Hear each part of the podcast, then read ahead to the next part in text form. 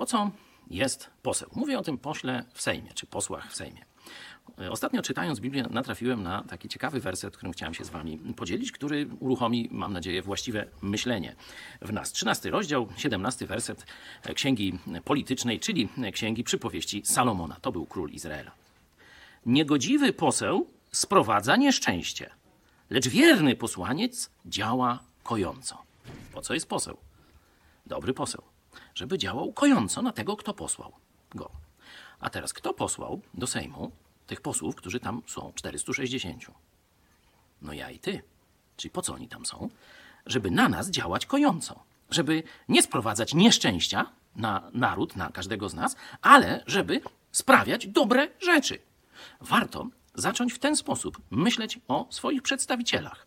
Narody protestanckie to pojęły i zbudowały państwa obywatelskie. Czy my zrobimy to samo w Polsce?